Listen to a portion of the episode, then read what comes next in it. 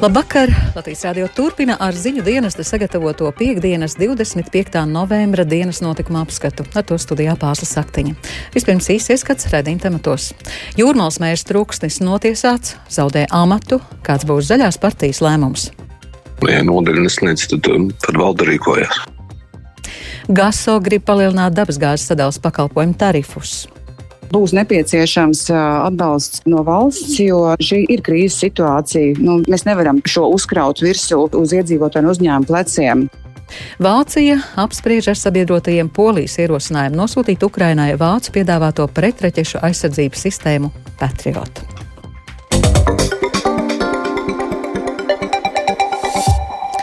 Augstākās tiesas krimināllietu departaments atstājis negrozītu Rīgas apgabaltiesas spriedumu, ar kuru jūrmāls mērs Gatis Trukstis no Latvijas zaļās partijas atzīts par vainīgu apsūdzībā par dienesta viltojumu. Apelācijas instances tiesa konstatēja, ka 2016. gadā tapušā komandējuma rīkojumā iekļautas nepatiesas ziņas, ka Jūrmālas pilsētas domas priekšsādētājs dosies komandējumā uz Daugaupili. Spēkā stājies spriedums, ar kuru Truksnis un viņa biroja vadītāja Ingrīda Vilkārse atzīti par vainīgiem saistībā ar dienesta viltojumu. Truksnim piemērots 5000 eiro sots, bet Vilkārsei 2500 eiro. Līdz ar šo spriedumu beigusies Trukšņa karjera Jūrmāls domē un viņu izslēgs no Latvijas zaļās partijas. Tā Latvijas radio apliecināja tās vadītājs Edgars Tavars. Protams, šis man bija tik milzīgs pārsteigums, jo iepriekš pirmā instancē bija viens spriedums, otrā instancē bija pretējs, un trešā instance atstāja. Atais spēkā līdz ar to Trušņkungs vairs nav mērs. Viss. Viņš arī zaudēja deputāta amatu. Vai līdz ar šo tiesas lēmumu Gatis Truksnis zaudēs arī Latvijas zaļās partijas biedra karti? Mēs gaidām no Jūrmālas nodeļas kolēģi lēmumu. Ja nodeļa nesniedz, tad, tad valda rīkojas. Nu, es domāju, ka tiesas spriedums tur, nu, tur īpaši diskusijas šobrīd nekādas netiek, netiek pieļautas. Jābūt ļoti skaidram pasē pozīcijai. Tā Latvijas zaļās partijas līderis Edgars Tavars. Gatis Truksnis pirmo reizi par Jūrmālas pilsētas domas priekšsēdētāju kļuva 2009. gadā. Iepriekšējos gados viņš vairākas reizes zaudēja mēra amatu. Tas noticis gan atstādinot, gan atbrīvojot, gan arī pašam atstājot amatu. Vienreiz viņš izslēgts arī no Latvijas zaļās partijas.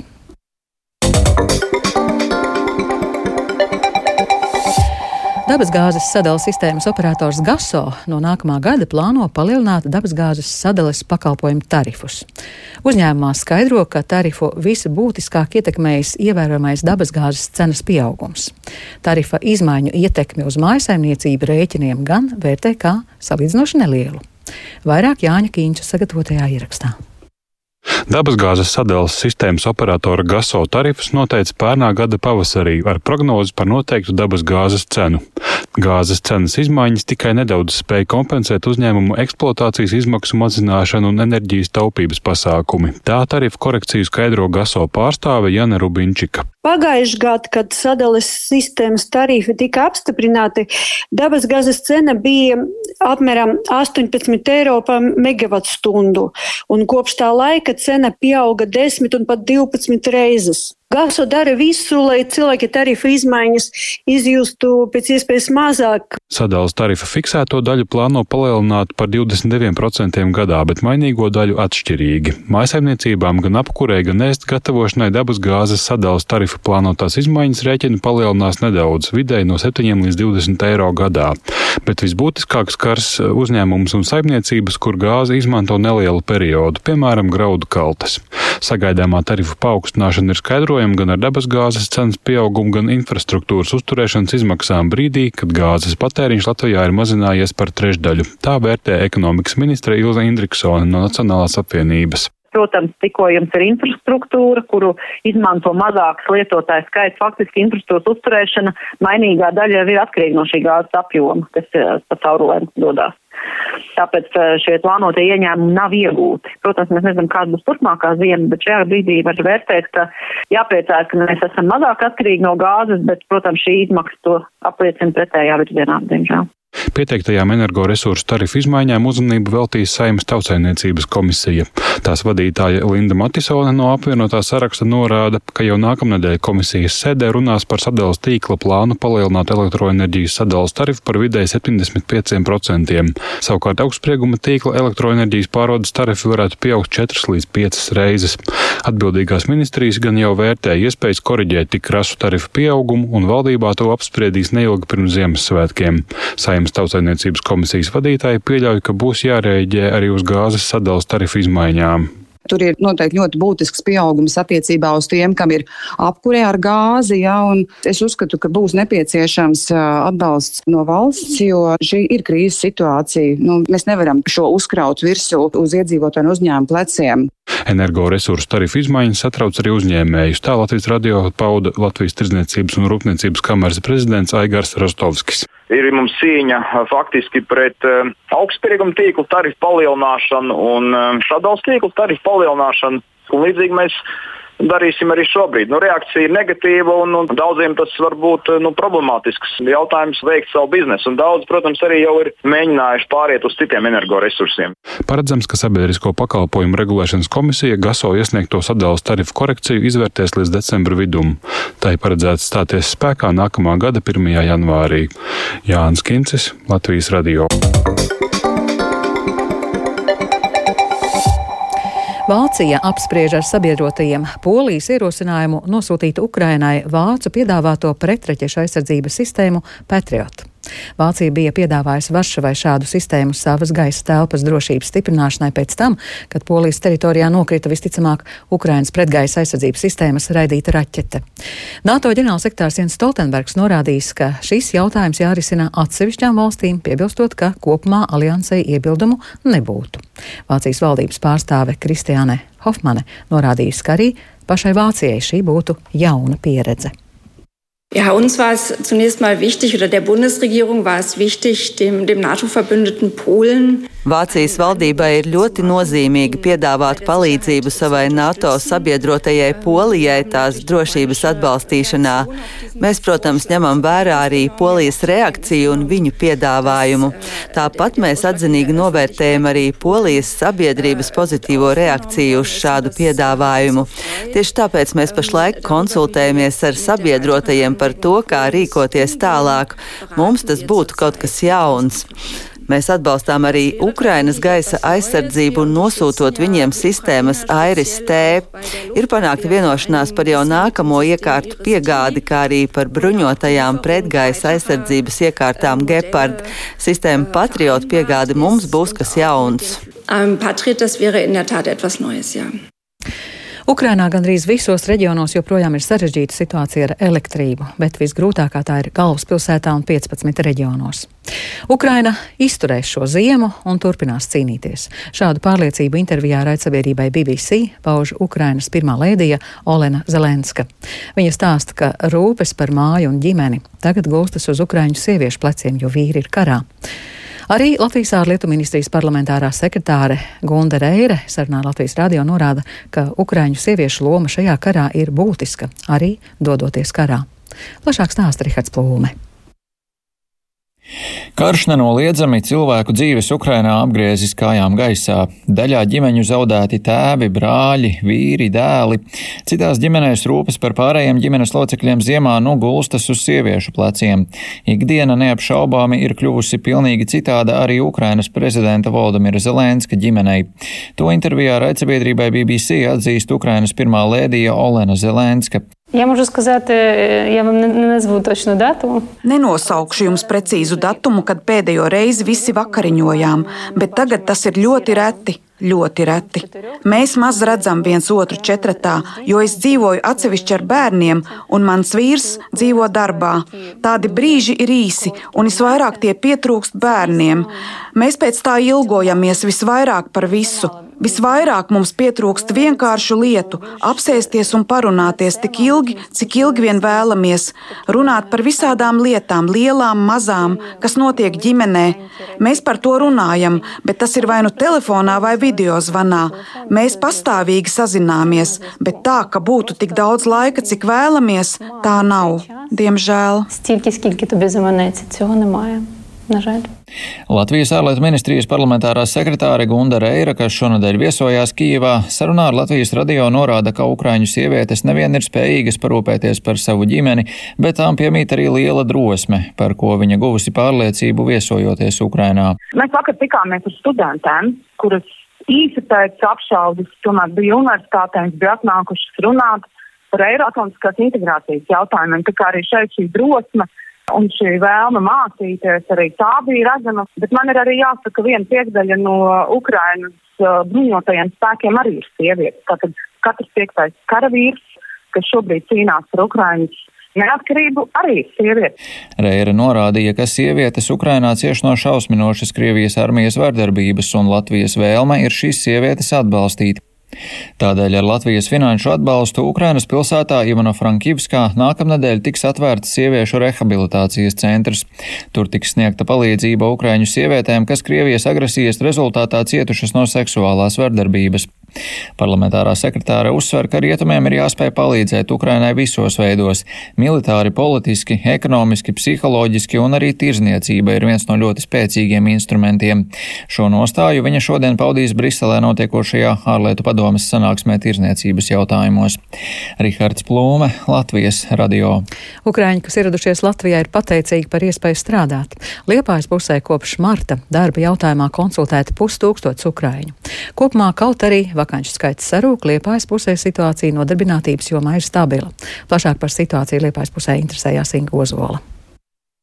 Liepājā pašlaik ir vairāk nekā pusotras tūkstotis bezdarbnieku. Decembrī gan šis skaits varētu palielināties, jo tas ir saistāms ar sezonālo darbu beigām, piemēram, ceļa būvis nozarē vai citās, skaidro nodarbinātības valsts aģentūras Liepājas filiāls vadītāja Dace Baumane. No vienas puses mums visu laiku gandrīz ir kaut kur ap 800, 900 visu laiku bija brīvās darba vietas, ir daudz darba piedāvājumu. Tomēr šobrīd vērojams vakanču samazinājums. Šobrīd 392, ņemot vērā visus faktus faktors, ja, gan kara darbība, kas arī ietekmē šie sadārdzinājumi, nu, tāpat elektrība un viss energoresursi, un tas viss ietekmē jebkuru uzņēmumu. Un tad acīm redzot, tiek izvērtēts, vai tiešām mums vajag papildus darbinieks, vai mēs tomēr tiekam galā ar to, kas ir. No marta Liepājas filiālē konsultācijas sniegtas arī vairāk nekā 500 Ukrainas civiliedzīvotājiem. Pašlaik valsts valodu mācās septiņi.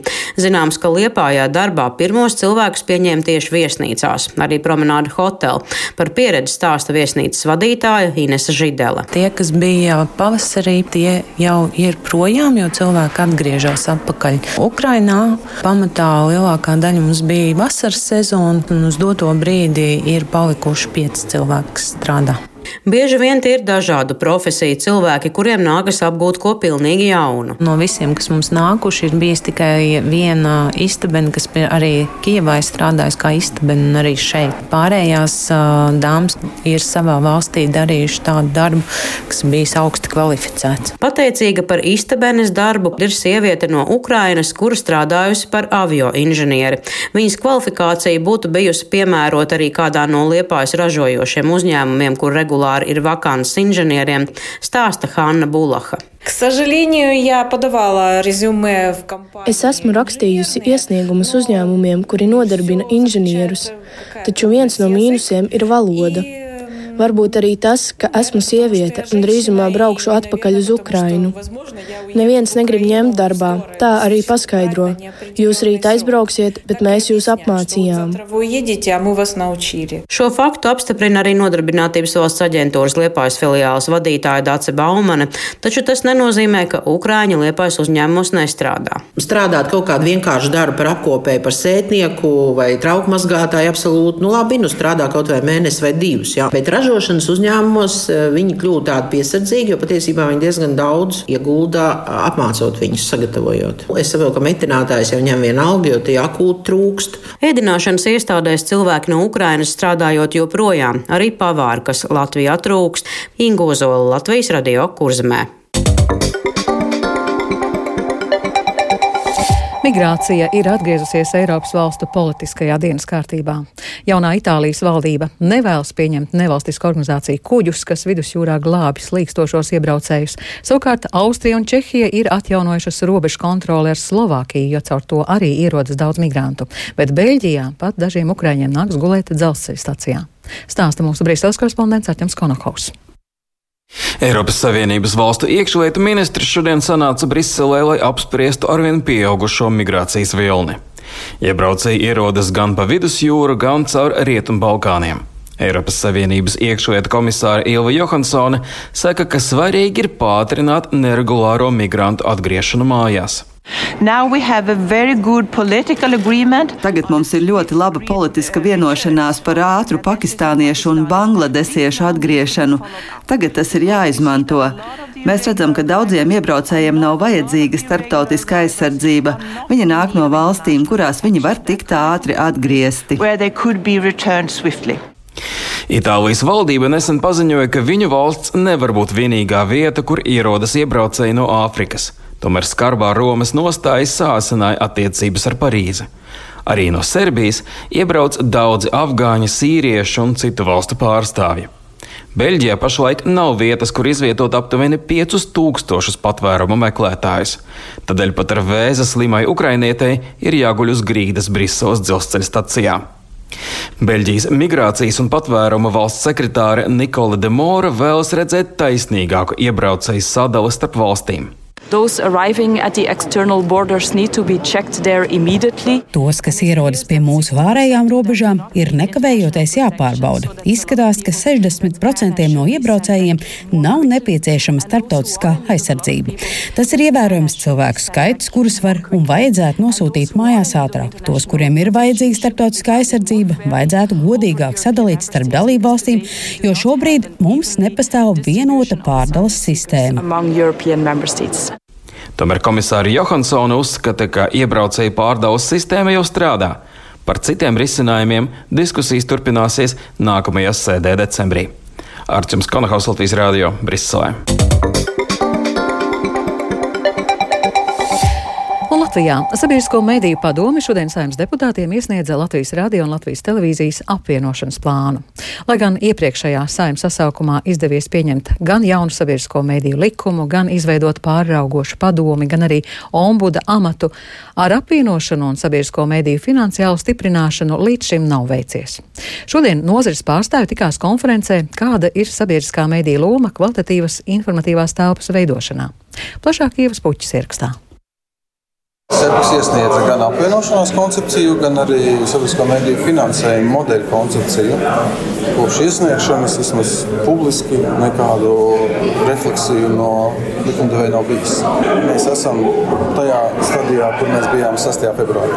Acīm redzam, ir, ir jādomā, ko darīt tālāk. Latvijas televīzijas valdes priekšsēdētājs Ivars Priede, atsaucoties uz sabiedrisko elektronisko plašsaziņas līdzekļu padomi, intervijā konferences starpbrīdī norādīja, norādīja, ka abu mediju, Latvijas radio un Latvijas televīzijas gaidāmā apvienošanās un finansējuma problēmas, ko runātāji šī fóruma sākumā izcēla citu tematu vidū, ir neatliekamās prioritātes, ar kurām jātiek skaidrībā pēc iespējas ātrāk. Konferencē gan izskanēja, ka Latvijas televīzija un Latvijas radio, kā viens sabiedriskais medijs, darbu varētu sākt jau 2024. gada sākumā, taču zaļā gaisma no politiķu puses šim ilgāku laiku apspriestajam tematam joprojām nav dota. Tieši konferences dienā Sepl ir atkārtot iesniedzis abas koncepcijas Saimas cilvēktiesību un sabiedrisko lietu komisijā, kuras pāraudzībā ir sabiedrisko mediju joma, komentē Sepl vadītājs Jānis Siksnis šīs gads man šķiet visi Ukrainas notikumi un visi citi izaicinājumi mediju tāpai ir stiprinājuši mūsu pārliecību padomē, ka mums ir pēc iespējas ātrāk jāvirzās priekšu ar vienotā mediju izveidošanu. Un šajā gadījumā runa ir tiešām par vienu, vienu juridisko personu ar vienu valdi, kas tad varētu, mūsuprāt, ātrāk un efektīvāk jau virzīties uz priekšu ar konkrētiem risinājumiem par infrastruktūru, par, par iespējamām struktūrālām izmaiņām organizācijas iekšēnē. Mēs esam saņēmuši arī virkni atzinumu no ministrijām, no finanšu ministrijas, no kultūras ministrijas, ko mēs jau vasarā patiesībā komisijai aizsūtījām, un tos mēs arī tagad vēlreiz nosūtām. Iepriekšējā Saimas cilvēktiesību un sabiedrisko lietu komisija, kas pirmo sabiedrisko mediju apvienošanās koncepcijas versiju no Sepils saņēma 6. februārī, to tālāk nevirzīja. Jaunais komisijas vadītājs Digis Šmits, kurš amatā stājās pirms divām dienām, šodien uz telefona zvaniem neatbildēja un atsūtīja ziņu, ka ar koncepciju vēl nesot iepazinies. Ieva Puķa, Latvijas radio. Aizvien pieaugušās energocenas ir aktuāls jautājums ikvienā mājsaimniecībā un uzņēmumā, un mēs ar cerībām raugāmies arī zinātnieku virzienā. Kā viņi modelē nākotnes scenārijus enerģētikas jomā un kas mūs visus sagaida? Un par to plašāk Linda Zalāns ierakstā. Tuvāko gadu Baltijas un Eiropas elektroenerģētikas izaicinājums ir desinhronizācijas process no Krievijas energosistēmas, kas jāīsteno līdz 2025. gadam. Turpina enerģētikas institūta vadošais pētnieks Kārlis Baltputnis. Bet ļoti iespējams, ka to varētu nākties darīt arī ātrāk. Ir nepieciešams atslēgties no Krievijas energosistēmas un pieslēgties kontinentālās Eiropas energosistēmai. Tas nozīmē, ka daudz aktīvāk vajadzēs ar vietējiem resursiem nodrošināt primāro frekvences regulēšanu Jo šie savienojumi caur poliju, viņi, nu, es negribu teikt, viņi būs vāji, bet katrā ziņā būs vajadzīgas lielākas drošības rezerves arī mums pašiem uz vietas. Un attālināšanās no Krievijas energosistēmas un šī procesa modelēšana ir arī RTU enerģētikas institūta pētnieku dienas kārtībā, jo būs aktuāli jauni energotīkla aizsardzības pasākumi. Institūtā profesora Saukas vadībā tiek piedāvāta jauna energosistēmas atslodzes metode, kura tad ļautu samazināt nepieciešamo rezervju apjomu. To starp starpsavienojumos. Ko nozīmē, ja mēs samazinām to rezervju apjomu, kas uzliek starpsavienojumiem? Tas nozīmē, ka lielāka elektroenerģijas caurlaides spēja ir pieejama tirdzniecībai ar citām valstīm. Galvenais šajā ziņā būtu Somija un Zviedrija, jo tas palielinātu Baltijas iespējas importēt lētāku elektroenerģiju, kas tad, nu, labi, šajā gadījumā mēs droši vien runājam par samērā mazu to samazinājumu, bet tomēr, kā saka, katrs eiro ir jākrāj, lai būtu vērā ņemama ietaupījumu. Savukārt Vides aizsardzības un siltuma sistēmu institūta asociētā profesora Ieva Pakara stāsta, ka institūtā tiek modelēts, kā izskatīsies nākotnē enerģētikas sektors, kad tas pāries uz klimata neitrālo enerģijas ražošanu. Vēja enerģijas pieaugums ir redzams un uh, saules uh, paneļu uzstādītās jaudas uh, strauji pieaug līdz 0,3 gigavatiem 2024. gadā. Un vēja parku tātad uzstādītās jaudas līdz 50 gadam pieaug līdz 1,9 gigavatiem. Un pakāpeniski samazinās biomasas patēriņš tieši elektroenerģijas ražošanai, jo ir ekonomiski pamatotāk ražot šo elektroenerģiju ar vēja enerģiju. Un, Pakāpeniski samazinās arī dabasgāzes izmantošana. Eiropas Savienības nākotnes mērķis ir 2030. gadā sasniegt, ka energobilancē 45% nodrošina atjaunīgie energoresursi. Linda Zalāne, Latvijas radio. Energocenas vislielākās galvas sāpes, protams, sagādā ziemā. Latvijā jau nedēļu ir neliels sals un zemiklājas sniegs. Sinoptiķi sola, ka nākamnedēļ sals pieņemsies spēkā. Ko par agrāku ziemas iestāšanos saka cilvēki, to sniegotajās Rīgas ielās devās skaidrot Viktors Damīdovs. Pietiekami daudz gadu, pietiekami daudz ziemas ir piedzīvots, ka liekas, tā ir tāda ierasta lieta. Es neesmu ievērojis to, kuru gadu ātrāk vai vēlāk uzsniegt tas sniegs, bet es viņu vienmēr gaidu. Man patīk tikai žēl, ka pilsētā. Kāpēc tikai žēl, ka pilsētā? Nu, ir šļūrā un sniegs sakaisīts ar sāli. Sunītim ķepus sadedzina. Es atceros, ka 5. decembrī bija ļoti stiprs sals, bet tas bija ļoti sen. Tāpēc tiek uzskatīts, ka tas ir normāli un siltums vēl būs. Protams, nedaudz ir ilgāk varbūt jābrauc un satiksme un tā, bet uh, kopumā nē, protams, patīkami, ka ir ziema vēl joprojām mums arī Latvijā. Mhm. Ir uh, jauki atbraukt uz Latviju un redzēt tik daudz sniega. Tas tumšais novembris arī nebija patīkams, kad ārā tik ātri iestājās tumsa, bet tagad vismaz ir gaišāks un baltāks. Mēs jūtam, ka tuvojas Ziemassvētki. Kā jūs gatavojaties tuvākam laikam? Pēc prognozēm izskatās, ka laiks paliks vēl augstāks. Diez vai es tagad iešu pirkšu siltākas jakas, vai kaut kā īpaši gatavošos, lai paliek augstāks. Es esmu pieraduši pie visa. Man jau ir 90. Man jau ir 9. desmitgade. Drēbes jau nezinu, kur likt. Lūk, valkāšu. Cimdiņa silti, zeķītes. Samēr, ka būs labi. Galvenais daudz neuzturēties ārā, silta tēja, kafija. Nu, es nekā negatavojos, godīgi sakot. Saģērbšos siltāk un dzīvošu tālāk. Un ar to izskan dienas notikuma apskats. Producents Kārlis Dagilis ierakstus montēja Uldis Grīmbergs par labskaņu rūpējās Kristaps Eida, ar jums runāja pārslas saktiņa un īsi par svarīgāko. Līdz ar notiesājošo spriedumu jūrmāls mērs trūkstis zaudē deputātu mandātu un viņu izslēgs no partijas, zaļās partijas. Gaso grib palielināt dabasgāzes sadalas pakalpojumu tarifus. Vācija apspriežas ar sabiedrotajiem par polijas ierosinājumu nosūtīt Ukrainai vācu piedāvāto pretraķešu aizsardzības sistēmu Patriot.